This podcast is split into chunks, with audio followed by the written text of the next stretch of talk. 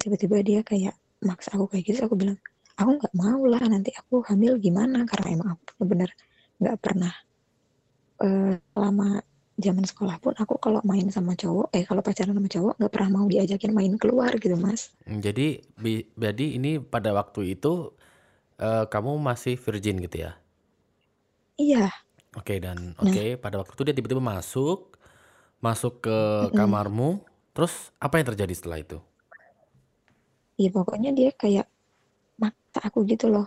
Padahal hmm. udah bilang aku nggak mau aku nggak mau. Tapi ya adalah aku di situ juga nangis mas di situ. Cuman aku eh, nggak uh, mungkin lah teriak-teriak atau kayak gimana.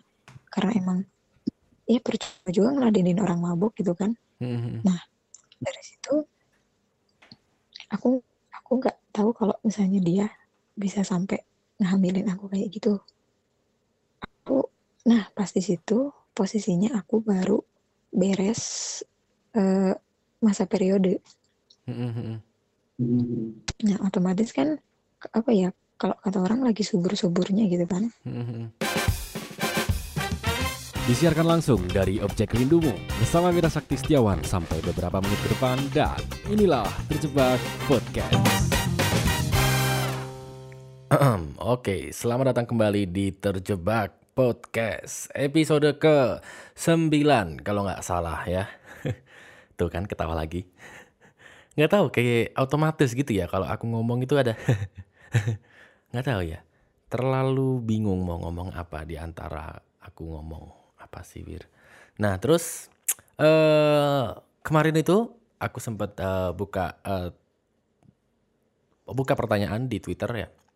Aku ngasih tahu kalau ada yang mau cerita silahkan uh, bercerita ya seperti biasa template pada umumnya terjebak podcast aku akan bacain dulu ada direct message dari sebuah akun ya yang nanti namanya akan disamarkan menjadi uh, Caca. Dia bilang, "Jadi Mas, aku tuh pacaran sama keponakan aku sendiri. Tapi dia umurnya lebih tua 2 tahun dari aku. Dia anaknya kakak sepupu aku atau kakeknya dia itu kakak beradik sama ibuku." Nah, kita pacaran hampir satu tahun. Dan di awal tahun kemarin inilah kesalahan terbesarku muncul. Aku hamil mas karena dia. Tapi dia nggak mau tanggung jawab, malah nyuruh aku ngeguguri, ngegugurin. Kalau aku nggak mau ngelakuin hal itu, dia bilang nggak bakal mau nikah sama aku. Sampai akhirnya aku turutin aja mas, walaupun aku tahu itu dosa besar dan kesalahan yang fatal sekali. Setelah dari situ hubungan kita kembali biasa aja, tapi pertengahan April kemarin dia tiba-tiba bilang mau putus karena sebuah alasan yang sangat klise. Katanya udah nggak suka aku lagi. What? Ya, aku sudah mulai panas ya badannya mendengar kalimat ini. Aku benar-benar nggak nyangka aja sih mas kenapa dia ninggalin aku dengan gampangnya dan tanpa rasa bersalah gitu. Dan aku juga merasa sangat bodoh sekali sampai saat ini yang ada di pikiranku cowok mana yang mau menerima keadaanku yang kayak gini. Oke. Okay. Ya, seperti biasa terjebak podcast terbagi menjadi tiga klasifikasi ya. Satu tersakiti sekali, dua menyakiti sekali, dan tiga aneh sekali. Dan ini kita akan masuk ke segmen yang mungkin bisa dikategorikan tersakiti sekali ya, sedih ya kalau mendengarnya. Oke, daripada aku ngomong sendiri ya, lebih baik orang yang langsung yang bercerita. Jadi aku sudah terhubung dengan Caca. Hai Caca, selamat malam. Malam Mas. Iya. Yeah. Gimana kabarnya sehat? Alhamdulillah disehat-sehatin. Disehat-sehatin ya. Luar dalam aman ya berarti ya. Oke, Cak, uh, kita kenal gimana? Enggak sih, ya lanjut aja mas. kita kita kenalan dulu ya, biar uh, teman-teman yang dengerin podcast itu tahu. Jadi uh, nama kamu disamarkan menjadi Caca. Bisa diceritakan nggak kamu latar belakangnya sekarang lagi ngapain? Sibuk kerja, kuliah, atau ngapain? Tinggal di kota mana? Terus perawakannya oh, okay. itu kayak apa? Biar kita tuh punya bayangan kita lagi cerita sama siapa. Oh, Oke. Okay. Jadi aku sekarang lagi kuliah aja sih mas. Setelah waktu itu sempat kerja dulu, terus okay. uh, eh, dua dua tahun terakhir ini aku mulai kuliah. Uh-huh. Aku tinggal di salah satu kota di Jawa Barat. Oh di Jawa Barat, oke. Okay. Mm, cuman aslinya orang tua aku orang Jawa Tengah gitu. Oke, okay. jadi kamu bisa bahasa Jawa pastinya kan? Bisa. Oke, okay. terus terus terus. Perawakan kamu gimana nah, nih? Terus aku ya tingginya standar sih mas, cewek pada umumnya lah 160-an. Mhm, mhm. Badanku nggak nggak gendut lah, aku terbilang kurus. Oke. Terus aku termasuk orang yang cuek gitu sama orang lain dan suka dibilang jutek juga gitu. Jadi Iya. aku cuman mau kenalan tuh sama orang yang emang benar-benar aku pengen kenal kalau misalnya orang itu. Jadi aku nggak bisa terbuka sama semua orang gitu loh mas. Iya, iya. I know, I know. Terus sekarang Ya, kamu seperti kuliah di jurusan apa? di eh, ekonomi sih, fakultas ekonomi. Di sebuah universitas di Jawa Barat ya. Oke, nah ini kamu kemarin itu pernah nge-DM ya. Kamu pernah pacaran sama eh keponakan kamu. Apa sepupu kamu tadi kamu bilangnya? Sepupu ya? Eh, anak anaknya kakak pupu sih mas, keponakan. Jadi keponakanmu ya. Jadi mama Iya. mama eh kakeknya dia itu kak- kakek beradik sama kakekmu ya. Sama ibuku. Oh, oh. Bentar, bentar, bentar. Jadi mamahnya dia kakak beradik sama ibumu. Bukan. Ah, gimana? Jadi kan ma- eh, mama aku itu eh, lima bersaudara kan. Oke. Nah, yang pertama itu kakeknya dia. Heeh. Nah, yang anak kelima ini ibuku gitu, Mas. Oh, aku tahu, aku tahu. Ya, jadi dia adalah anaknya kakek yang pertama itu ya. Heeh, Oke. gitu. Oke, jadi ini ceritanya kamu pacaran itu pas lagi zaman kuliah atau SMA? Aku pas kemarin-kemarin sih, Mas, belum lama. Putusnya juga aku baru April kemarin. Dan pacarannya berapa lama? Hampir mau setahun. Jadi Oh, hampir mau ceritanya setahun. aku Nah, juga ceritanya gimana tuh? Heeh. Awal mulanya tuh. aku bener-bener sumpah ya, Mas, nggak nyangka, nggak pernah ada punya pikiran bakalan punya hubungan sama dia. Karena sedari aku kecil gitu, aku nggak nggak akrab sama keluarga dia. Bahkan aku cuma tahu, oh, oh dia itu eh, sebut aja siapa ya? Si Eh, Ali, Ali, eh, Ali. ya si Ali lah, sebutlah si Ali. Terus, terus. Aku cuma aku cuma tahu, oh itu si Ali anaknya si Mbak ini gitu kan, udah aja. Terus, Nggak nggak nggak akrab. Tapi kalau Mm. aku tuh akrabnya sama eh, ada kakak sepupuku, Mm. sebutlah si T ya. ya, si T. Nah, Oke. eh, si Cewek T cowok tuh? ini itu akrab cowok. Oh, oke, oke, oke. Terus, terus. Nah, si, aku akrab banget kan sama si T ini karena Mhm. emang dari kecil terus dia, dia liburan ke sini juga kan aku main bareng. Nah, pas aku mudik tahun kemarin, Ya. aku kan nginep di rumah si T sekeluarga. Nah, Ali ini emang nggak pernah mau gabung mas sama keluarga besar gitu. Dia Kenapa dia? cenderung Introvert juga ya? enggak, bukan. Dia mainnya sama anak-anak sana, anak-anak kampung. Oh, aku tahu, aku tahu, aku tahu. Oke. Dia punya geng sendiri lah gitu. Mm. Nah, tapi kalau si T ini emang anak dari asli sana juga, cuman dia nggak ikut-ikutan main sama anak-anak yang nakal. Sedangkan si Ali ini emang dari dulu mainnya sama anak-anak yang nakal gitu, Mas. Oke, ngerti, ngerti, ngerti. Terus? Ya, pas eh, Lebaran tahun kemarin, Bener-bener tahun kemarin banget dia nih, 2019 nih. ya benar, Itu iya awal benar. mulanya kamu jadian sama si Ali? Belum, ini Oh, belum, belum? belum Belum? jadian, Mas. Belum, belum jadian. Oke, oke. Kita terlalu terburu-buru. Nah, ceritanya tuh aku emang nggak punya kontak eh kontak dia sama sekali lah gitu. Mm, Cuman begitu aku mau pulang ke sini, harus mudik eh harus balik nih. mm. Aku mau balik, dia bilang, aku mau nitip surat pindah ya, soalnya aku mau eh, ngurus-ngurus KTP-ku. Dia mau Terus? pindah jadi orang Jawa Barat ceritanya, Mas. Nah, Oke. terus udah gitu, eh, ya udahlah titipin biar bapakku yang ngurus. Aku bilang gitu. Udah aja. Kita sampai situ doang. Kita cuman ngasih kertas, udah nggak pernah ada ngobrol apa-apa. Mm, mm, mm. Begitu aku udah sampai sini, sekitar satu mingguan lah. Dia ternyata nge-WA aku. Eh, Oke. Dia nanya nomorku ke kakak sepupuku yang si T ini. Nah, udah gitu dia awalnya cuma nanyain, "Eh, suratku udah jadi apa belum? Terus aku jawab, oh belum. Nah dari situ dia nanya-nanya, kamu sekarang apa kegiatannya? Aku kuliah, oh kuliah di mana? Ya di sinilah aku, eh, jadi kan mas aku punya bisnis keluarga gitu mas di sini ya. Dalam lini apa itu bisnisnya? Eh, makanan. Oke. Eh bentar bentar. Eh, Cak, suaramu volume dikecilin deh. Kamu loudspeaker ya? Enggak. Dikecilin suaranya. Soalnya ngefeedback balik ke sini. Oh iya, oke oke. Cek. Segini, Mas? Nah, pas. Oke. Segini? Ya. Oh iya, siap. Terus Nah, terus terus. eh, jadi aku, aku bilang kan, aku kalau pagi sampai sore bantuin mama. Tapi kalau sore aku sampai malam itu kuliah. Oh, kamu Oh ya kuliah UT udahlah, ya? cenah. Eh, Iya, Oh, I see. Terus terus terus. aku kelas karyawan gitu. Ya ya ya. Terus dia nanya kan, oh kuliahnya udah semester berapa? Aku waktu itu masih semester 2. Hmm, hmm, hmm. Dari situ aja kita chat, tapi cuma chat biasa. Terus akhirnya aku nanya, kok kamu mau pindah sih ke sini? Aku gitu Loh, kan. dia awalnya dari mana? Jawa Iya, Tengah. iya Jawa Tengah. Oh, dia akan pindah KTP ke Jawa Barat ya berarti ya? Iya, I see. Terus Terus dia terus bilang, terus. aku mau daftar eh, jadi abdi negara. Dia bilang gitu. Hmm, hmm, hmm. Oh, eh, bukannya dari dulu kamu pengen? Aku kira udah nggak mau. Aku bilang gitu kan. Iya, aku mau nyoba aja sekarang. Terus dia malah bilang gini, makanya aku tuh disemangatin dong.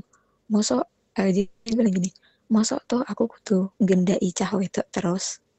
Ya, Ben ono sing nyemangati, dia tem- bilang gitu mas. teman-teman yang nggak tahu bahasa Jawa itu artinya adalah masa sih aku harus ngebet cewek terus biar ada yang nyemangatin aku. Itu artinya itu ya. Terus terus. Iya. Nah dari situ, ya udah kamu yang semangat aja latihannya. Aku bilang gitu kan. Aku Hmm. ngomong kayak gitu cuman karena sebatas aku saudaranya gitu ya mas. Iya iya. Nah setelah aku tanya-tanya, eh, aku nanya nih ke kakak sepupuku yang si T. Dia sebenarnya punya pacar nggak sih? Hmm. Terus kata kakakku, punya. Dan pacarnya itu juga tetangganya. Di Jawa Tengah. Ah, tetangga rumahnya deket banget lah pokoknya. Oke oke oke. Nah dari situ kan aku eh, nyari tahu lah yang mana nih pacarnya. Oh yang ini. Tapi kok gitu ya setelah aku lihat Instagram si ceweknya itu, eh, dia masang foto tuh sama cowok lain mas. Dan bikin instastory juga sama cowok lain. Hmm, hmm. Dari situ aku tuh cuman kok gitu katanya pacarnya si Ali ini. Tapi kok fotonya bukan sama si Ali gitu loh. Ya terus terus. Nah, sampai pada akhirnya si Ali ini tuh tiba-tiba curhat ke aku gini. Aku putus sama cewekku, dia bilang gitu kan. Loh, Heeh. kenapa? Ah, udahlah kamu gak usah kepo. Aku bilang gini, apa karena cewekmu upload eh upload foto sama cowok lain di instastorynya? Kok kamu tahu? Kata dia gitu kan. Hmm. Ya aku tahu, aku aku cuma eh, apa ya nggak sengaja aja ngecek. Aku bilang gitu. Terus kata dia, ya udahlah pokoknya intinya aku udah eh, tahu dia tuh selingkuh. Dia tadinya pas jadi si eh, ceritanya dia tuh putus karena si ceweknya ini nggak mau diajak LDR. Oh, gara-gara dia mau pindah ke Jawa Barat ya. Dan sebelumnya juga dia kerja di eh, seberang mas di pulau seberang dia kerjanya. Si Ali ini. Ya si Ali ini terus si Oh. ceweknya ini pengennya setiap pagi siang sore malam eh, harus ngechat terus gitu. Sedangkan menurut si Ali, ya aku kan di sini kerja gitu nggak mungkin aku harus bukain HP terus selalu ngabarin kamu katanya gitu. Iya iya Tapi benar. si ceweknya ini nggak terima gitu. Oke, terus terus. Kelar Nah tuh selingkuh situ, dia kan. Akhirnya dekat sama kamu. iya dia deket sama aku. Pokoknya di situ dia udah putus katanya. Si Ali ini minta penjelasan ke si ceweknya, tapi malah nggak ada balasan. Terus nomor si Ali ini diblok mas sama si ceweknya. Nah, terus akhirnya si Ali ini berpikiran buat, oh ya udahlah, eh, dia nggak ada jawaban, berarti emang bener dia selingkuh. Terus akhirnya dari situ eh, aku bilang, udahlah kamu katanya mau fokus daftar eh, daftar abdi negara, ya udah kamu fokus aja, aku bilang gitu. Iya, eh, dia bilang, ya udahlah aku juga mau nyoba buat lupain dia. Nah, begitu satu minggu kemudian, Mas, Hmm.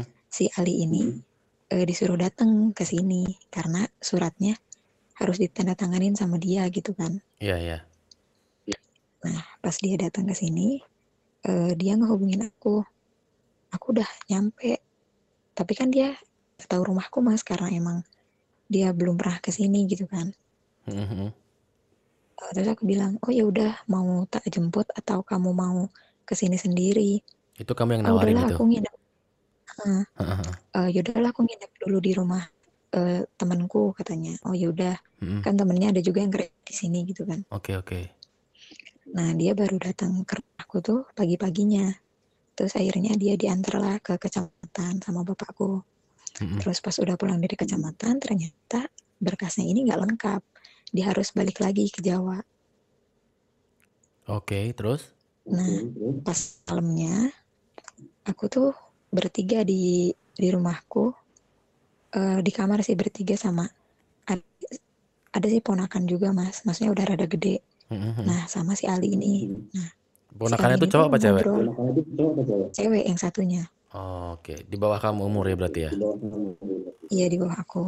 Oke. Nah, si Ali ini cerita kan, dia nyeritain semua tentang mantannya.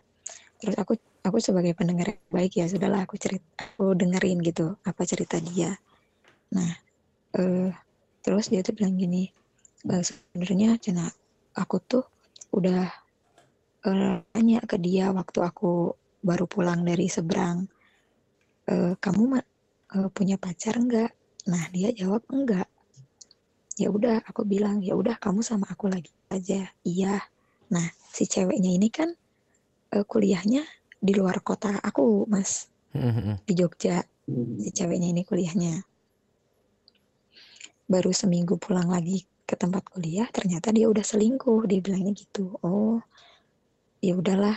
eh, kata dia, udahlah dari situ aku tahu. Ya aku buang aja dia buat apa katanya. Mm-mm. Ya sudahlah itu. Nah ternyata mas besoknya dia mau pulang lagi ke Jawa. Dia pas nyampe Jawa bilang, "Eh, aku tuh sebenarnya kok jadi ada rasa sama kamu semenjak kita ngobrol bareng. Dianya Ali bilang gitu. Soalnya, eh, si Ali bilang gitu, soalnya kan emang kita dari kecil itu nggak deket. Tapi ternyata kamu orangnya enak diajak ngobrol, kamu juga pengertian. Padahal aku mikirnya, loh, ya aku sebagai saudaramu wajarlah kayak gini aku bilang gitu. Mm-mm. Terus dia malah udah manggil aku sayang. Nggak ada apa-apa tiba-tiba manggil sayang. Heeh. Terus aku bilang sayang, sayang anak. Aku bilang gitu kan. Heeh. Enggak lah, aku sayang sama kamu. Loh, kita kan saudara. Aku bilang gitu. Ya nggak apa-apa, katanya gitu mas. Dia bilangnya. Terus terus? Aku, aku nganggapnya itu kan cuma bercandaan. Nah ternyata pas besoknya aku kuliah, aku eh, dia ngechatin aku, tetap mas kata-kata sayang itu. Mm-mm. aku kan nggak fokus ya jadinya terus aku bilang e, kamu tuh maunya gimana gitu kan ya aku dia bilang ya aku suka sama kamu Eh, ya aku pengennya kita pacaran tapi aku takut karena kita masih saudara takutnya nanti dimarahin. Terus aku bilang ya udah kalau misalnya kamu tahu kita saudara nggak usah pacaran. Aku dari awal udah nolak dia mas. Aku udah nggak mau. Mm-mm. tapi dia bilang gini ya nggak bisa kayak gitulah. Aku suka sama kamu masa aku nggak nggak bisa jadi pacar kamu. Oh dari situ udah mulai aneh ya berarti ya. Terus aku terus aku cerita nih sama si kakak sepupuku si T ini "Eh, gimana? Aku bilang gitu kan. Terus dia dari awal udah bilang ah dia udah baper sama kamu. Aku udah bilang kan hati-hati soalnya dia orangnya kayak gitu susah ditebak katanya gitu. Terus Mm-mm. aku sekarang gimana? Dia nembak aku aku harus gimana? Aku gitu kan. Ya kalau saran dari aku sih nggak usah diterima. Kita tuh masih saudara. Takutnya kalau misalnya ada apa-apa ya nggak enak jadi musuhan juga katanya gitu Tapi di situ dia tetap kekeh si Ali ini ngajakin aku pacaran dengan alasan gini udah tenang aja nanti kalau aku jadi abdi negara aku pasti eh apa orang tua kamu pasti ngerestuin dia bilang gitu dengan pedenya mas Terus terus?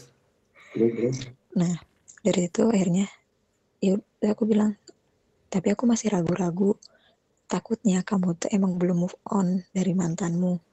Enggak lah, aku tuh kalau udah sama kamu mungkin balik lagi sama dia. Aku orangnya nggak kayak gitu, dia bilang gitu. Mhm. Ya udah akhirnya aku mencoba ngejalanin. Emang emang bener mas, dari eh, awal sampai ke tiga bulan empat bulan tuh emang bener manis sekali gitu nggak kelihatan akal busuknya dia Oh jadi kamu beneran kamu terima, terus eh, kamu jalan sama dia, kamu pacaran sama dia berarti. Hmm, aku pacaran sama dia terus karena emang pada saat itu aku juga posisinya lagi pernah deket sama cowok tapi aku ditinggalin gitu aja loh mas nah langsung aku deket sama si Ali ini gitu Dan kamu nyaman sama dia.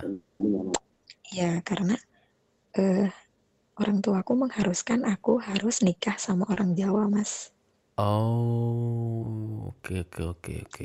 Terus terus jadi selama aku di sini kan aku kenalnya sama orang Jawa Barat. ya Sunda lagi Sunda Mm-mm. iya Iya nah udah iya. pasti orang tuaku nggak boleh gitu kan Mm-mm. nah Oke, jadi jadi pas eh, udah awal April Lebaran tahun lalu akhirnya jalan sama Ali. Bentar, kecilin lagi volumenya dong. oke udah Cek.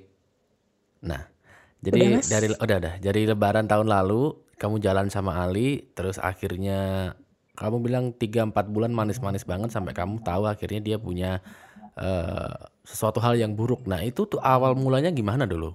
Bisa terjadi itu. awalnya pas dia mau daftar abdi negara tuh dia benar-benar menunjukkan kalau dia tuh sikapnya baik gitu mas Heeh. sampai akhirnya dia gagal karena umurnya udah nggak nggak bisa lah udah nggak bisa daftar gitu Bentar, kamu umur berapa? Dia umur berapa? aku dua aku baru 21 dia eh dua, dua eh mau dua tiga kalau nggak salah Oke. Nah, terus eh, selama pacaran itu hingga akhirnya kamu tadi cerita bahwa kamu itu eh, hamil karena ponakanmu sendiri. Heeh. Nah, itu tuh jadi gimana awalnya kok bisa begitu gitu loh? nah jadi gini mas ceritanya Mm-mm, dia emang dulu tuh anaknya nakal banget nah mm-mm, pas mau daftar abdi negara dia baik banget ya. Mm-mm. sampai akhirnya dia gagal.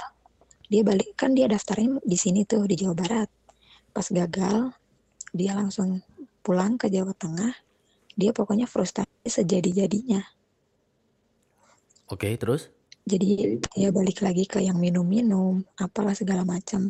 Dari situ aku mulai jarang di chat sama dia mas. Oh, jadi ini udah udah sempat lost contact berarti ya? iya.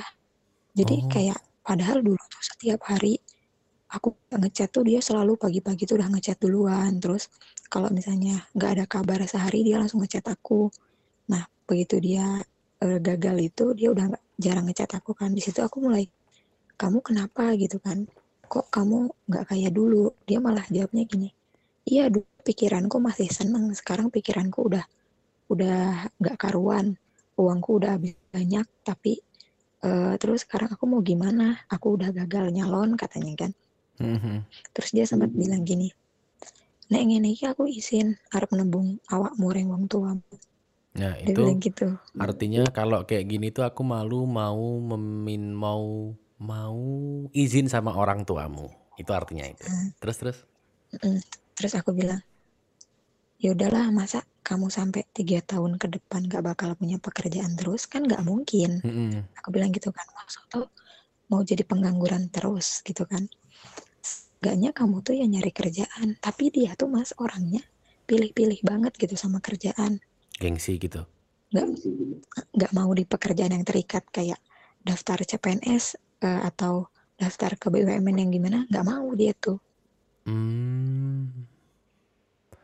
Nah, terus? Gitu kan aku udah kayak dia benar gak sih sama aku? Gitu kan. Ah, ah. itu belum kejadian mas. Dia masih baik-baik aja. Oh, jadi setelah dia frustasi itu nah, pun nah itu terus? belum belum terjadi eh, apa-apa berarti ya?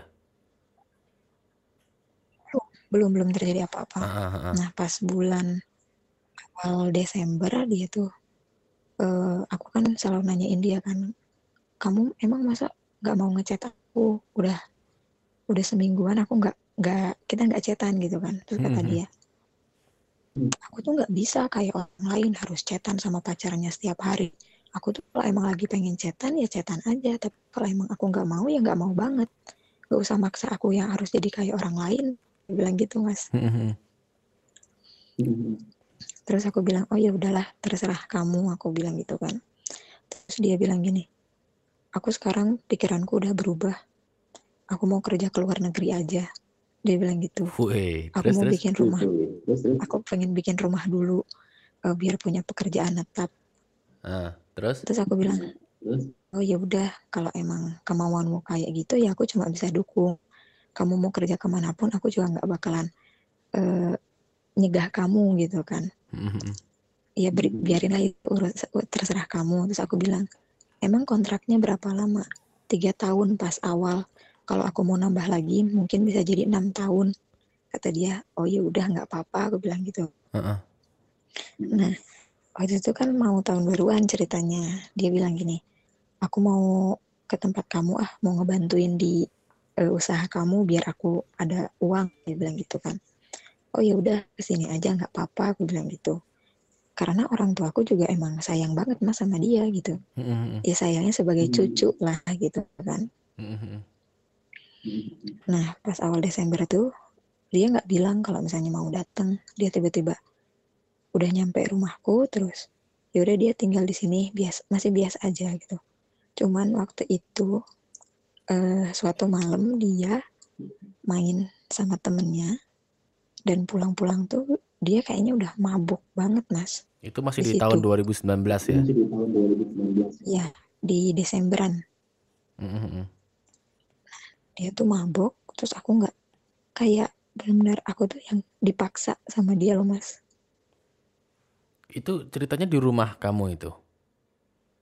iya di rumahku kan biasanya dia nggak tidur di kamarku kan cuma Heeh. pas malam itu bapakku lagi pulang lagi ke Jawa Oke. Nah, Ibumu pas aku ibuku ada di rumah gitu cuman kan di eh, rumah itu kamarku ada ada siapa aja? Ada ibuku ada adekku Oh, bertiga doang berarti ya pada waktu itu ya. Nah, terus datang datanglah si Ali ini datang kan. Dia biasanya tidur di mana? di kamar atas biasanya Mm-mm. Terus dia pulang mabok tuh. Ah, mabok dia eh, masuk ke kamarku Kamarmu nggak sama biasanya dia adikmu? suka enggak Oh, sendiri. cowok mas Oh, cowok. Aku pikir adikmu cewek. Terus terus.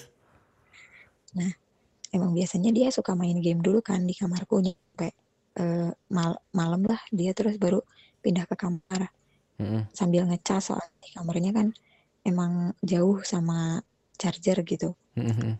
nah dia tiba-tiba masuk terus aku kayak ih bocah ngopo toh ngono kan aku kaget juga di situ Mhm.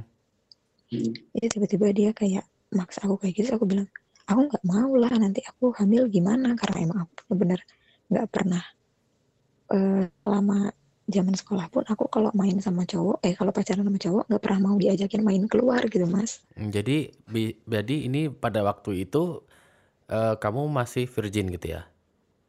iya Oke dan Nah. oke pada waktu itu dia tiba-tiba masuk masuk ke Mm-mm. kamarmu. Terus apa yang terjadi setelah itu? Iya pokoknya dia kayak maksa aku gitu loh. Padahal Mhm. udah bilang aku nggak mau, aku nggak mau tapi ya, adalah aku di situ juga nangis mas di situ. Cuman aku eh, nggak mungkin lah teriak-teriak atau kayak gimana karena emang ya percuma juga ngeladenin orang mabuk gitu kan. Mhm. Dari situ aku aku nggak tahu kalau misalnya dia bisa sampai ngehamilin aku kayak gitu. Aku nah pas di situ posisinya aku baru beres eh, masa periode. Mhm. Nah, otomatis kan apa ya? Kalau kata orang lagi subur-suburnya gitu kan. Mhm. Nah, di situ aku benar-benar kayak nggak nyangka sih. Cuman aku nggak tahu mas dia tuh sa- beneran sadar atau nggak sadar gitu di saat itu tuh gitu kan. Terus Nah. setelah kelar itu dia balik ke kamar lagi. Terus paginya biasa aja Enggak. gitu. Iya, paginya biasa aja. Dia nggak balik ke kamarnya mas, dia di kamarku. Dan ibumu nggak nanya. Enggak, soalnya waktu sebelum ibuku bangun dia udah udah siap-siap mau eh, apa sih mau beres-beresin tempat eh, usahaku gitu. Hmm, ya ya ya ya. Nah, sejak kapan kamu tahu kalau kamu hamil? Nah, dia akhir tahun baru dia pulang lagi ke Jawa. Katanya Hmm. mau tahun baruan sama teman-temannya. Mhm. Nah, udahlah di situ. selalu mas tiap dia pulang ke Jawa dia nggak pernah ada ngabarin aku Mhm. dia hilang gitu aja kan kalau udah nyampe Jawa nah dari situ aku tuh udah ngerasa harusnya aku tuh eh, awal awal bulan tuh udah udah da- datang bulan kan Mm-mm. cuman pas itu kok aku lama banget gitu kan. Aku lihat di di kalender HP ku udah telat 9 hari aku gitu kan. Mhm. terus Hmm. di situ aku kayak ngerasanya badanku tuh dikit-dikit capek dikit-dikit. Eh, sering banget aku ketiduran di mana pun gitu mas. Nemu kasur dikit aku langsung ketiduran. Padahal aku biasanya nggak kayak gitu gitu. Mhm. nah dari itu aku tuh kayak tapi aku nggak ngerasain aku mual atau apa gitu kan. Sampai akhirnya aku eh, bilang ke dia tanggal 8 Januari kalau nggak salah. Mhm. aku bilang aku belum eh, datang bulan. Terus dia gini loh nanti kamu hamil. Dia dengan entengnya bilang gitu mas. Mhm. nah terus eh, coba cek kamu sana beli beli test pack dia bilang gitu kan aku malu lah aku bilang ya udah pakai masker aja nggak usah malu Eh, ntar kalau misalnya ketahuannya lama malah bahaya kata dia gitu Mhm. pas gitu aku pulang kuliah aku beli test pack cuman nggak langsung aku cek Di Indomaret Aku nih bilang beli ke tes dia. packnya. nggak di apotek mas Oh di apotek. Oke. Terus terus. Kelar sampai rumah. gini, hmm, sampai rumah aku hubungi dia lagi. Aku nanya, Mas gimana kalau misalnya aku emang hamil? Terus dia malah, eh, dia bilangnya gini, ya nanti aku tinggal bilang aja sama ibuku atau enggak. Tapi bilangnya aku emang udah pengen nikah, jangan bilang kamu hamil nanti nggak akan direstuin kata dia gitu. Mhm. Eh, tapi gimana ya nanti tetangga di Jawa pada kaget nggak? Soalnya kita kan pasti saudara deket, dia bilang gitu. Mhm. Dari situ aku mikirnya, oh ya udahlah kalau misalnya aku pun iya gitu, eh, dia udah ada omongan kayak gitu, ya tenang-tenang aja di situ kan. Terus ya intinya aku tahulah kalau dia bakal bertanggung jawab, walaupun emang yang harus aku korbankan itu banyak mas, kepercayaan orang tua aku, pendidikan aku gitu kan, Mhm. semua rencana-rencana di masa depan aku gitu yang aku korbanin saat itu. Ya. Terus Nah, akhirnya kamu pas- tes tuh akhirnya pakai tes pack kan? Pagi-paginya aku tes subuh-subuh mas aku buru-buru kan ke kamar mandi. Mhm. terus di kamar mandi aku lihat ternyata emang benar. Aku di situ udah nggak tahu lagi harus gimana. Aku panik. Aku bener kayak ini benar gak sih? gitu. Sampai aku tuh pengen ngetes lagi. Terus aku kirimin mas Jadi kirimin dua garis biru di situ. Merah mas garisnya Oh iya maaf maaf. Aduh kebawa film. Ya maaf maaf. Jadi aduh jadi buyar kan. Jadi dua garis merah di situ ya. nah terus aku fotoin ke dia sampai sekarang pun fotonya masih ada Mhm. test packnya pun masih aku masih ada mas Mhm. udah gitu aku eh fotoin ke dia terus jawaban dia ini apa itu maksudnya aku Terus? bilang iya aku eh, aku hamil terus dia apa coba coba tes sekali lagi aku nggak percaya Heeh. ini udah udah benar aku bilang gitu kan terus kata dia ya Allah aku tuh belum siap nikah dia bilang gitu Lah berubah tiba-tiba. malamnya bilang gitu, paginya udah beda lagi. Terus aku bilang gini, aku kira semalam kamu bilang gitu, kamu bener mau tanggung jawab. Aku bilang gitu. Iya, eh, dia ini iya aku bakal tanggung jawab. Tapi eh, sekarang posisi aku, aku belum punya pekerjaan tetap Mhm. dan kamu masih kuliah dan kita ini masih saudara. Mhm. Terus aku bilang gini, kuliahku bisa sambil, soalnya aku ngambil kelas karyawan. Ya benar. sekarang aku Ya. aku nanya iya kamu mau gimana aku bilang gitu kan terus dia akhirnya malah gini udah kamu ini aja eh, beli nanas muda dia bilang gitu mas Terus terus. Terus terus. terus aku bilang lah aku nggak ngerti yang jual kayak gitu di sini di mana ya kamu carilah di tukang buah nggak usah jadi orang bego dia bilang gitu Lah kasar Iya. banget. eh, Terus terus? dia emang kadang sering gitu pas omongannya Mm-mm. nah terus udah gitu akhirnya aku minta antar lah temanku cuman aku bilangnya "Eh, aku disuruh nyari Nana buat bikin selai aku bilang gitu kan Mm-mm. nah aku di diantar lah aku sama temanku terus kita mampir ke tempat makan dulu teman temanku ini udah teman lama sih Mm-mm. maksudnya kita temenan udah udah dari zaman SMA lah Iya, Tapi saya kira tuh- kamu carilah tadi beli nanas tadi kan.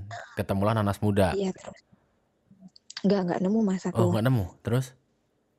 Nemu. terus akhirnya aku cuma bilang ke dia aku udah beli nanas ya udah makan yang banyak pokoknya harus sampai eh apa sih yang harus sampai kamu tuh keguguran dia bilang gitu mas Itu kamu makan nanas muda beneran berarti?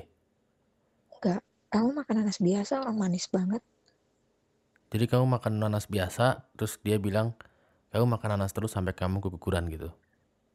iya dia bilang kayak gitu terus aku kayak dia tuh sebenarnya mikir nggak sih? Dia punya perasaan nggak sih yang bikin aku aneh tuh itu? Iya, iya. aku tuh lagi lagi nyari nanas itu sama temenku kita kan mampir dulu ke tempat makan. Mm-mm. nah aku tuh bikin ini bikin instastory kan. Nah dia tuh malah bilang gini alah eh, gayamu katanya bilang ke aku kalau kamu tuh stres kamu tuh tertekan tapi nyatanya masih bisa bikin video sambil ketawa-ketawa. Dia bilang gitu mas. Heeh, terus terus. Terus aku aku aku bilang gini ya mas aku harus bilang ke dia kalau aku tuh lagi keadaan kayak gini kan nggak mungkin gitu kan Ya, masa aku benar. harus bilang sama teman-temanku ya aku harus bersikap kayak seolah-olah aku tuh baik-baik aja gitu kan Iya, iya. Nah, tapi eh, dari dari habis kamu makan nanas dan kamu makan nanas dalam intensitas yang sering terus keguguran atau gimana itu? Atau akhirnya beli obat atau gimana? Udah dari situ dia selalu nanya kan gimana perkembangannya? Ya tetap aku bilang nggak ada berubah biasa aja masih sama. Terus dia aduh gimana? Eh, kan semakin lama nanti perut kamu tuh semakin kelihatan dibilang gitu. Mm-mm. terus akhirnya udah nanti aku bakalan ke sana. Eh, aku antar kamu ke dokter ya biar biar eh, bisa ngegugurin dia bilang gitu. Loh kamu tuh uang dari mana? Aku bilang gitu ya udah nanti aku usaha.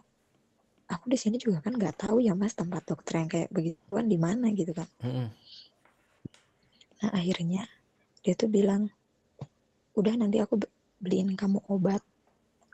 Obat nanti penggugur gitu ya? ke eh, nanti aku datang ke rumahmu. Aku nungguin tuh mas. Dari tanggal 8 nyampe dia ke sini tuh pas akhir Januari. Sampai aku tuh udah kesel banget sama dia aku bilang gini udahlah kamu tuh kalau emang gak mau tanggung jawab ya udah bilang. Kamu gak usah datang ke rumahku kecuali kalau kamu mau bilang ke orang tuaku tentang ini semua. Terus dia malah marahin aku kan kamu tuh udah gila. Eh, kamu mikir nggak kalau nanti orang tua kamu tuh bakalan kayak gimana? Eh, kamu mau melihat orang tua kamu tuh maksudnya kecewa sama kamu. Nanti eh, kuliahmu kayak gimana? Kamu nggak mikirin itu semua kamu tuh benar-benar harapan orang tua kamu banget setelah kakak kamu yang tadinya emang diharap-harapkan tapi eh, kakakku ya nggak nggak sesuai sama harapan orang tuaku gitu kan mas Mm-mm. jadi orang tua aku tuh benar-benar menyimpan harapan yang besar ke aku gitu setelah sampai aku tuh dikulihin kayak gini gitu kan Ya, terus akhirnya dia datang di Eh. akhir Januari tadi ya? dia datang di akhir Januari Heeh. nah dari situ eh, aku nggak langsung minum soalnya aku di situ masih sakit juga sih. Eh, Oh. soalnya kata dia emang benar-benar harus apa diam di rumah nggak boleh ke mana-mana gitu kan. Mm-mm. sampai seminggu setelahnya eh dia akhirnya yang ngasihin obatnya ke aku. Nah nah dari situ mas aku tuh ngecek HP dia. Aku li- dia bilang aku aku nggak boleh cerita tentang masalah ini ke siapa pun tapi teman-teman dia di Jawa tuh tahu mas semuanya. Jadi dia sendiri yang cerita sebenarnya. iya tapi emang kata dia nggak eh, apa nggak aku ceritain ke temen tuh maksudnya siapa ceweknya gitu kan. Dia cuma nanya beli obat ini tuh di mana? gitu. Terus Oh. akhirnya dia udah dia minjem uang ke temen-temennya nggak ada yang ngasih kan. Terus ditanya sama temennya mau buat apa? Terus dia bilang aku hamilin anak orang dia bilang itu terus aku kayak kesal aja sama dia dia sendiri yang bilang nggak boleh tapi dia yang ngelakuin gitu mas Mm-mm. nah pas dia udah kasih obat itu aku aku bener-bener kayak panas dingin kayak kejang-kejang gitu loh mas Jadi kamu langsung minum itu obatnya? iya seminggu kemudian setelah aku sembuh Oke, obatnya itu pil gitu atau kapsul atau gimana sih sebenarnya? Eh, pil sih mas cuman Satu doang apa gitu. sih bener enggak Eh, obatnya tuh harusnya 10 biji tapi dia cuma bawa 8 dan aku minumnya 6 Dan itu langsung sekali minum semua enam-enamnya. enggak lah pertama tuh dua Mm-mm. terus satu jam kemudian dua lagi satu jam kemudian dua gitu Oh, jadi pokoknya sampai intervalnya dua, dua, dua sampai tiga jam gitu ya. iya Terus habis kamu minum apa yang kamu rasain? Kejang-kejang tadi. Panas dingin kejang-kejang pokoknya keringetan nah dari situ aku ngerasa kayak pendarahan pendarahannya tuh lama selama seminggu dua mingguan lah. Terus terus? dan setelah aku aku kan pas aku lagi minum obat aku di rumah kan itu pagi-pagi. Nah dia tuh bantuin orang tua aku dengan dinginnya dia bilang gini lewat chat semangat ya Wah, orang sakit tuh. Makanya aku kayak dia beneran nggak punya perasaan gitu mas. Aku mikirnya sih dari situ terus sebelumnya aku udah nanya ke dia kalau misalnya kejadian ini udah beres apa kamu bakal ninggalin aku? Aku bilang gitu kan. Enggak lah cuman aku mau kerja ke luar negeri aja kata dia. Terus aku bilang katanya kalau cowok eh, senakal-nakalnya cowok pasti bakal milih cewek yang baik. Kayaknya aku juga mikirnya kayaknya kemungkinan kecil gitu dia bakal milih aku mas gitu. Aku udah punya feeling kalau dia bakal ninggalin aku gitu. Setelah kejadian itu pokoknya aku di situ pendarahan dua minggu.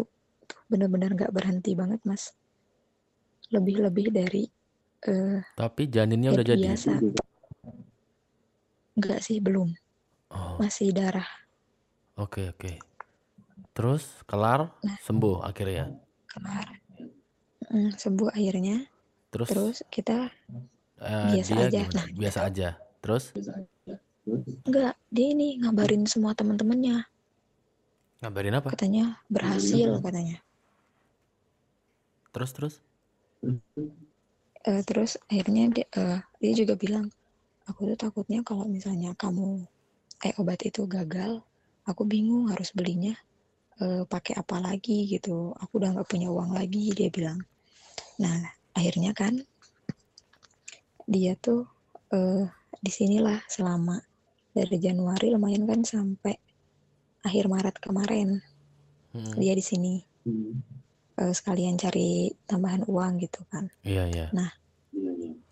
Eh, awal mulanya aku tahu tentang eh, kebusukan dia lagi adalah waktu itu dia main game ceritanya mas kesal HP-nya dibanting sampai pecah Mm-mm. sampai dia nggak punya HP nah udah dari situ dia akhirnya pinjam HP aku buat eh, minjem uang ke temennya Mm-mm. Nah, tiba-tiba setelah HP ku dipinjam sama dia, chattingan kita itu dihapus seolah-olah dia menghilangkan jejak tentang percakapan yang waktu itu. Oh. Terus terus? Aku nanya kan, kamu ngapus chattingan kita? Enggak lah, ngapain juga aku ngapus chattingan kita? Kan aku tahu isinya. Kurang kerjaan banget katanya dia gitu. Mm-mm. Cuman kalau pemikiran aku tuh udah nyampe ke sana gitu. Oh, dia mau menghilangkan jejak, aku bilang gitu kan. Mm-mm. dari situ eh, dia mulai bikin Facebook baru di HP ku. Terus setelah dia beli HP baru, kok anehnya tuh dia eh, nge-add pertemanan di Facebook tuh cewek-cewek semua mas isinya. Mm-mm. Nggak tahu buat apa gitu, nggak jelas banget pokoknya. Ah, terus terus? Eh, terus akhirnya aku tahu kalau dia di Jawa itu sering banget ke tempat karaoke sama cewek-cewek. Oh. Dia Tanpa juga aku tahu mas. dan dia juga main cewek berarti waktu dia di Jawa. Nah, sepertinya kayak gitu. Soalnya dia gini, aku buka HP dia, uh, dia ada percakapan sama temennya kan. Uh, dikirimin foto cewek. Ini kata, kamu cantik nggak? Iya lumayan lah kalau buat dibawa ke undangan, kata temennya gitu. Uh. Uh, ini kemarin habis uh, nyanyi di karaoke sama aku, dia bilang gitu.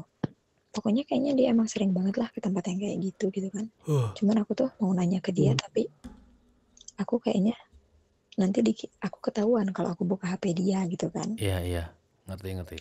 Nah akhirnya nggak aku tanya lah. Nah kita tuh baik-baik aja mas, benar-benar hubungan kita baik-baik aja. Hmm. Sampai di sini kita juga sering uh, ke mana-mana bareng. Nah pas saat awal-awal awal-awal muncul ada pandemi lah, yeah. aku di situ udah usahaku tutup. Mm -hmm. Aku diem di rumah, nggak tahu kenapa hari itu aku pengen banget ngecek HP dia mas soalnya kayak sering banget kalau dia lagi buka HP terus aku datang langsung ditutup gitu aja loh HP-nya hmm. nah udah gitu uh, pas aku cek dia lagi mandi nih. Hmm. aku cek HP-nya ternyata ada chat sama mantannya yang kemarin itu. Yang dulu itu? Hmm. terus? Cuman hanya disamarkan. Tapi oh. aku tahu fotonya gitu kan. Iya iya iya. Nah dari situ aku uh, aku baca lah cetannya jadi dia tuh mas mau kerja ke luar negeri itu ikut sama omnya si mantan ini. Oh I see. Oh I see. Nah modus dia adalah nanyain omnya udah pulang apa belum? Padahal dia tuh punya nomor omnya punya juga nomor tantenya. Kenapa nanyanya harus ke mantannya, mantannya ini loh? Iya. Terus akhirnya kamu nggak suka dan akhirnya putus juga pada waktu itu atau masih ada hal-hal yang buruk lain dari dia? Uh, dari situ aku kan akhirnya pokoknya aku nanya ke dia, aku DM mantannya, dia nggak terima mas aku DM mantannya. -hmm. Katanya ngapain kamu oh, nanya-nanya tentang masa lalu aku, kalau aku tuh malu jadi kamu, dia bilang gitu kan. Aku tuh baru aja baikan sama mantan aku, tapi gara-gara kamu DM dia, jadinya dia marah lagi sama aku. -hmm. Jadi dia lebih milih mempertahankan mantannya. hubungannya sama mantannya daripada hubungannya sama aku. Iya, iya. Nah, dari situ masih biasa aja satu minggu kemudian dia pulang ke Jawa. Nah, biasalah dia gak pernah ada kabar dari aku, terus tiba-tiba dia bilang, aku tuh, uh, aku rasa-rasain semakin ke sini aku udah gak ada rasa sama kamu. Itu kamu yang bilang? Uh, Iya yang bilang mas. Uh, terus oh dia yang bilang, alinya yang bilang. Iya, si Ali yang bilang kan. Uh, terus, terus terus aku mikir, aku cuma bilang jahat, aku bilang gitu doang. Hmm. Terserah kamu mau ngomong apa katanya. Yang jelas aku udah jujur soal perasaan aku. Kalau aku udah nggak ada rasa lagi sama kamu. Hmm. Udah panas banget nih dengerin ceritanya nih. Terus terus. Terus dia bilang, e, Nah di situ kan aku nggak terima. Kenapa? Emang ada orang lain? Aku nanya gitu. Iya iya. Terus? ada orang lain. Apa karena kamu ba baikan lagi sama mantanmu jadi kamu kayak gitu? Enggak. Terus dia marah mas langsung. Oh terus? Eh kamu tuh gak usah mikir yang kayak gitu. Aku tuh nggak pernah ya mau ngerusak hubungan orang lain. Dia bilang gitu kan. Hmm. Ya udah. Terus aku nanya, emang salahku di mana? Apa nggak bisa kita perbaikin lagi dari awal? Aku bilang, Hmm. Ya nggak tahu aku udah nggak ada rasa lagi sama kamu. Kamu gak maksa aku.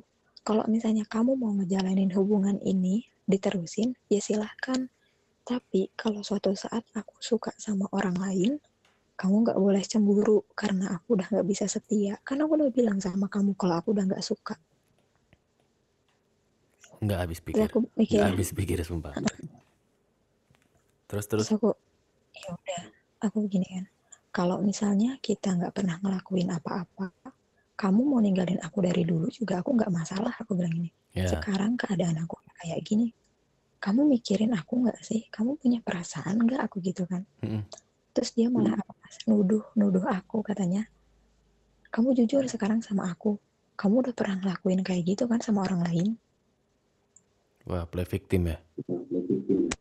Terus aku sumpah ya, aku nggak pernah yang namanya main kayak gitu sama orang lain. Kamu kenapa tiba-tiba nanya kayak gitu? Ya aku ngerasa banyak yang ditutupin dari kamu. Terus aku bilang, perasaan ya di dalam hubungan ini yang selalu terbuka itu aku yang selalu nggak pernah menutup-nutupi apa pun tuh aku. Hmm. Kamu yang banyak nyimpen, nyimpen kecurigaan aku bilang gitu. Ya pokoknya dia intinya ya udahlah pokoknya dulu aku emang suka sama kamu suka banget sama kamu cuman sekarang aku udah nggak lagi terus aku bilang udahlah nggak usah ngomongin tentang masa lalu yang nggak ada gunanya terus sekarang aku nanya sama kamu kenapa kamu eh, ngajakin aku ngejalanin hubungan ini sampai aku kayak gini dan kamu ninggalin aku gitu aja Jawabannya dia?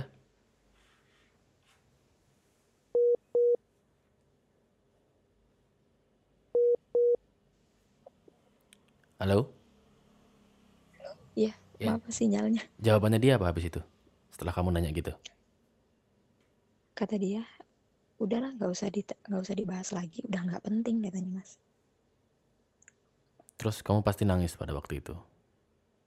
iya aku hancur benar-benar hancur. Iya, I waktu feel you. aku ngeliat dia eh, apa chatan lagi sama mantannya juga aku di situ benar-benar namanya nggak makan mas selama dua hari. Aku nangis aku nggak keluar kamar. Sampai akhirnya oh iya kelewat. Sampai akhirnya itu aku bilang ke orang tua aku kalau aku tuh pacaran sama dia Oh, akhirnya kamu bilang sama orang tuamu kalau kamu pacaran sama dia? iya tapi cuma bilang ke mama. Terus akhirnya oh aku dikata-katain mas. Aku itu benar-benar nangis. Mau aku bilang gini ora usah ngawur teh wong. Ora ilo. Iki cek sedulurmu. Masa oh uh, sedulure dhewe arep dadi pacari gitu kan. Itu artinya aku, kamu iya, itu pamali, orang masih saudaraan tapi kok malah dipacarin. Terus terus. iya aku baru cerita kalau aku pacaran sama dia aku nggak cerita tentang yang aku sempat hamil atau aku sempat gimana aku nggak nggak bakalan tega lah ngelihat Iya, benar ekspresi benar. orang tua aku gitu mas Terus terus. Iya, di situ juga aku cerita kan. Akhirnya aku cerita mas ke temanku yang waktu itu nganter beli nanas. Ya, ingat-ingat. Terus. Aku aku cerita, pokoknya dia juga sama aja kayak kaget gitu karena di antara teman-teman yang paling dekat itu aku yang paling pendiam gitu mas. Aku yang paling nggak suka dekat sama cowok gitu. Tapi kok ya kayak gitu gitu. Terus dia emang udah bilang udahlah gak usah diterusin lagi hubungannya tapi situ aku aku tuh cuma minta pertanggungjawaban dia loh yang apa yang udah dia lakuin Iya. kalau dia mau pergi itu aku ya udah rela-rela aja cuman aku nggak yang bikin aku sakit tuh ya itu apa yang udah dia lakuin sama aku gitu mas Iya. Dan kamu putus kapan terakhir? eh pertengahan April. Dan setelah itu nggak pernah kontak lagi sampai sekarang. eh tadi dia sempat ngontek sih dia Tadi? nanyain. Iya. Hari ini? Dia nanyain iya. Nanyain apa dia? eh, apa sih? Waktu itu bapak aku sempat nelpon ke dia cuman gak diangkat. Terus dia nanya ada apa? Bapakmu nelpon. Terus aku cuma jawab gak tahu. Aku bilang gitu aja udah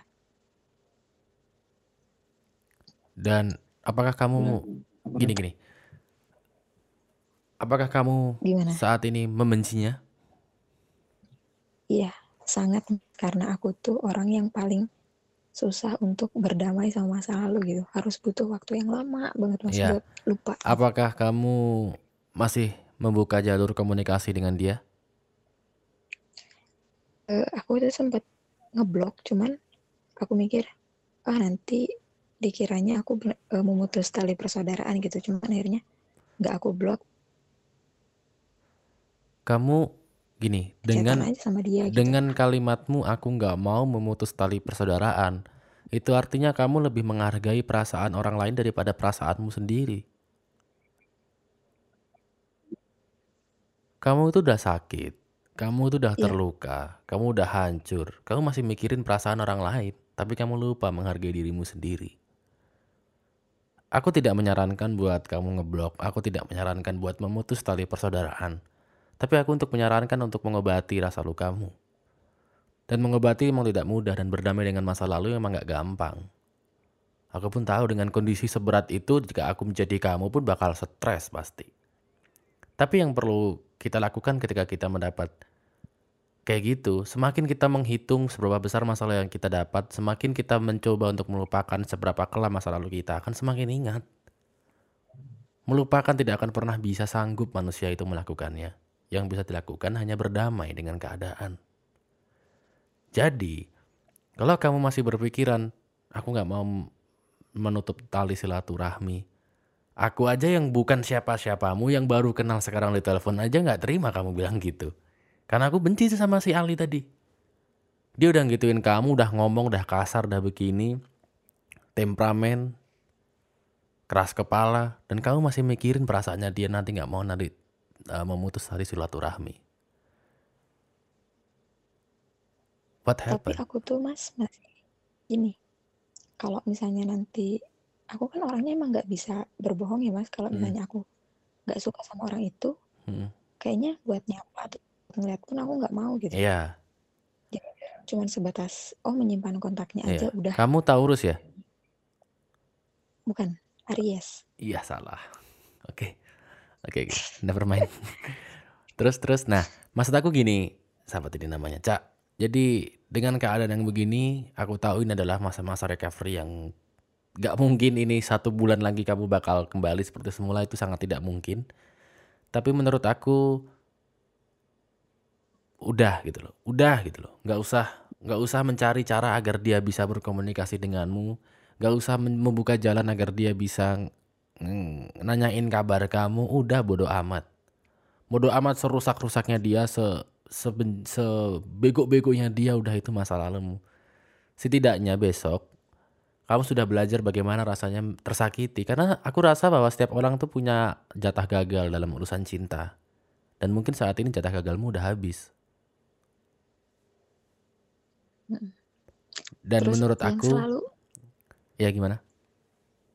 eh, yang selalu ada di pikiran aku tuh kayak ya itu yang aku tanyain di DM itu mas cowok mana gitu yang mau nerima keadaan aku yang kayak gini Oh. gitu Gini, Cak. Kamu jangan termakan oleh asumsimu sendiri. Kamu jangan tergerogoti oleh pikiranmu sendiri. Kamu tahu nggak apa bedanya asumsi sama fakta? Asumsi sama Fakta. iya tahu sih mas Fakta apa? yang benar-benar jelas kalau asumsi itu kayak masih eh, di awang-awang Iya, bedanya fakta itu pasti sudah terjadi. Asumsi itu belum terjadi. Kalau kamu bilang, cowok mana yang akan menerimaku kayak gini, asumsinya apa? Tidak ada cowok yang mau menerimamu. Akhirnya apa? Bikin kamu tambah sakit. Akhirnya apa? Tambah nggak sembuh-sembuh. Kamu termakan oleh pikiranmu Waktu- sendiri. Oleh ketakutanmu sendiri yang menggerogoti bahwa aku tuh nggak nggak ada cowok lagi yang mau yang mau nerima aku kayak gini. Enggak. Tuhan menciptakan manusia itu berpasang-pasangan. Kalau ada satu, dua, tiga, empat, lima, sepuluh cowok yang nggak mau menerima kamu, pasti akan tiba satu orang cowok yang akan menerima kamu dengan segala gelap masa lalumu.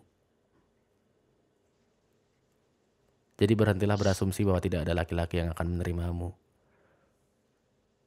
Karena aku yakin juga seburuk-buruknya laki-laki, pasti akan ada perempuan yang akan menerimanya dia dengan segala sikap buruknya, dengan segala seburuk-buruk apa pun masa lalunya gitu loh. Karena masa lalu tidak dapat diganti, tidak dapat dirubah, tidak dapat diperbaiki. Masa lalu hanya dapat diterima. Ketika dia sudah tidak mau menerima masa lalumu ketika kamu ceritakan dan kamu akan menikah, lepaskan. Dia bukan laki-laki yang tepat karena tidak mau menerima ceritamu dari awal. Oke? Oke Aku kalau tahu. menurut mas Wira, Ya? eh, misalkan gitu aku dekat nih sama cowok Mm-mm. terus eh, sampai akhirnya kita mau Nikah? serius mau menikah Mm-mm. apakah aku harus menceritakan hal Harus. ini sebelumnya atau Sangat amat harus. Menurut aku ya. Dan aku nggak memaksa kamu Iya. buat eh, menuruti apa yang aku bilang. Ini podcast ya. Tiga episode termasuk ini. Itu kisahnya sama. Kisahnya sama di mana pasti ada satu. Mau menikah tapi gimana. Dua mau gini tapi gimana. Hubungannya tentang sexuality dan relationship. Dan ini tapi beda-beda case ya. Dan menurut aku kamu harus ngomong. Karena gini. lelaki sekeras-kerasnya dia, dia juga punya perasaan. Jadi dia juga bisa kecewa. Jadi menurut aku lebih baik ke- dia kecewa, dia sakit karena kejujuranmu, tapi satu kilo pada hari itu karena kamu jujur kamu sudah A B C D E dengan si Ali. Daripada kamu sudah menikah, dia tidak tahu apa-apa, kamu sudah punya anak dua, terus dia tahu dari saudaramu yang beli nanas tadi misal keceplosan, dia tambah kecewa. Hasilnya apa? Dia pasti pergi karena kamu selama ini bertahun-tahun kamu bohongin dia. Bener? Hmm.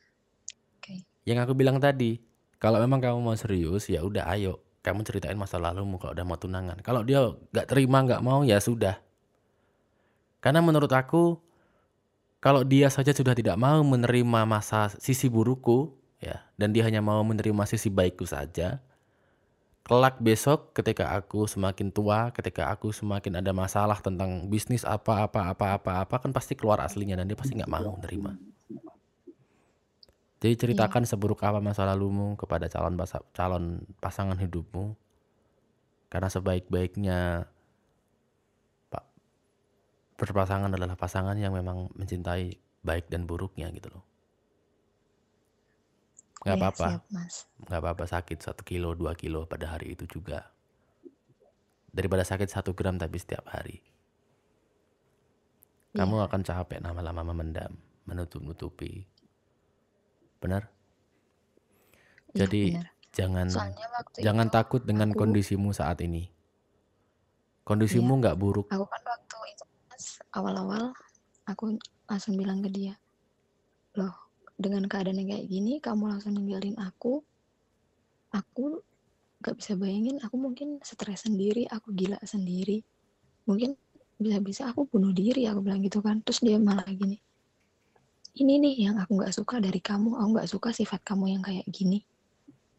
Pokoknya apa pun yang aku omongin dia tuh di akhir-akhir dia mau putus dia bilang Iya, aku nggak suka, aku nggak suka. iya. Gini cak, Padahal, ya, dia itu laki-laki toksik. Dia itu laki-laki yang tidak pantas untuk menerima cinta seorang wanita. Dia laki-laki yang gagal mengontrol dirinya sendiri. Dia laki-laki yang tidak punya arah dan tujuan. Dia laki-laki yang ingin menang sendiri dan dia adalah laki-laki yang diktator. Toksik, udah. Gak usah dibedulin lagi seberapa besar lukamu karena dia. Gak usah dihitung lagi seberapa besar masalahmu sama dia. Udah, cukup gak usah dihitung lagi.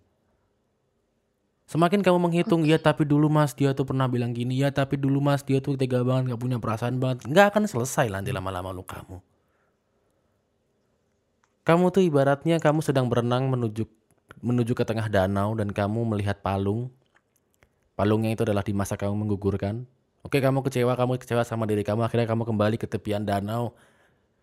Kamu mengeringkan diri dan mengeringkan diri adalah masa yang sekarang. Suatu saat kamu akan kering, suatu saat kamu akan berdamai. Jadi stop, nggak usah berpikir seberapa jauh jurang yang kamu alami gitu. Udah, jadikan itu sebagai pembelajaran. Karena bagaimanapun kamu menghitung, seberapa menyesal pun kamu tidak akan merubah keadaan masa lalumu. I know it's hard, but life must go on. Betul? betul. Semangat, Cak. Iya, karena waktu itu juga kan teman-temanku sempat em, nanyain kenapa keputusan kamu saat itu adalah menggugurkan. Karena aku memang benar-benar Kalut. harus ada salah satu yang korbankan Ya, I know.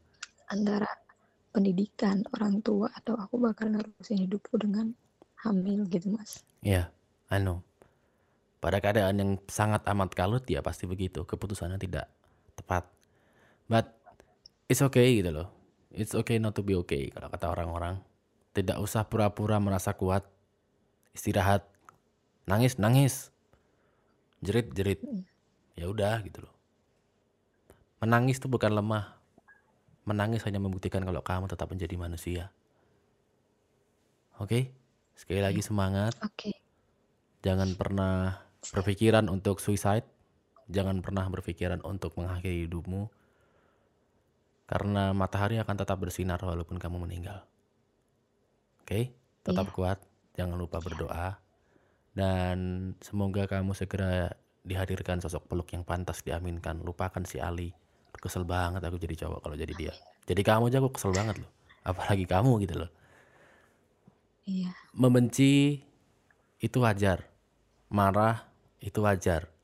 Tapi cara meluapkannya itu bisa dikontrol dan aku harap kamu adalah wanita yang benar-benar kuat karena bisa mampu menutupi kebencian dan kemarahanmu. Oke? Iya mas. Suatu saat akan menjadi indah. Amin. Oke, ketawa dulu. Oke, Cak, terima kasih sudah mau bercerita panjang lebar di Terjebak Podcast. Semoga setelah ini kamu menjadi lebih baik. Semoga setelah ini hatimu lebih damai dan berdamai dengan keadaan yang sudah lalu. Lupakan segala masa lalu, eh, bukan lupakan ya. Berdamailah dengan masa lalumu, ya. Udah nggak usah dihitung lagi seberapa besar masalah dan jurang sedalam apa yang udah kamu laluin. Oke? Iya siap mas. Oke, semangat Cak. Semangat kuliahnya, semangat Iya, kerjanya. Selamat malam, bye-bye. Oke. Nggak ngerti lagi ya. Gimana gimana rasanya jadi caca gitu. Udah pacaran sama ponakannya sendiri, hamil, dikugurin, terus di kayak gitu. Nggak ngerti harus ngomong apa lagi, cuman yang jelas aku turut eh, merasa prihatin dengan keadaan yang dialami oleh Caca. Dan sekali lagi buat wanita di luar sana yang mendengarkan terjebak podcast dan mengalami hal ini, tetaplah menjadi wanita yang kuat. Berhentilah mengukur seberapa besar masalah yang kamu dapatkan. Karena kita harus sama-sama yakin dan kita pasti sama-sama sepakat kalau Tuhanmu pasti akan selalu lebih besar daripada masalahmu. Tetaplah menjadi wanita kuat dan jangan menjadi wanita yang lemah. Aku Wira Sakti Setiawan, undur diri. Hai, terima kasih telah mendengarkan Terjebak Podcast. Sampai bertemu di episode selanjutnya.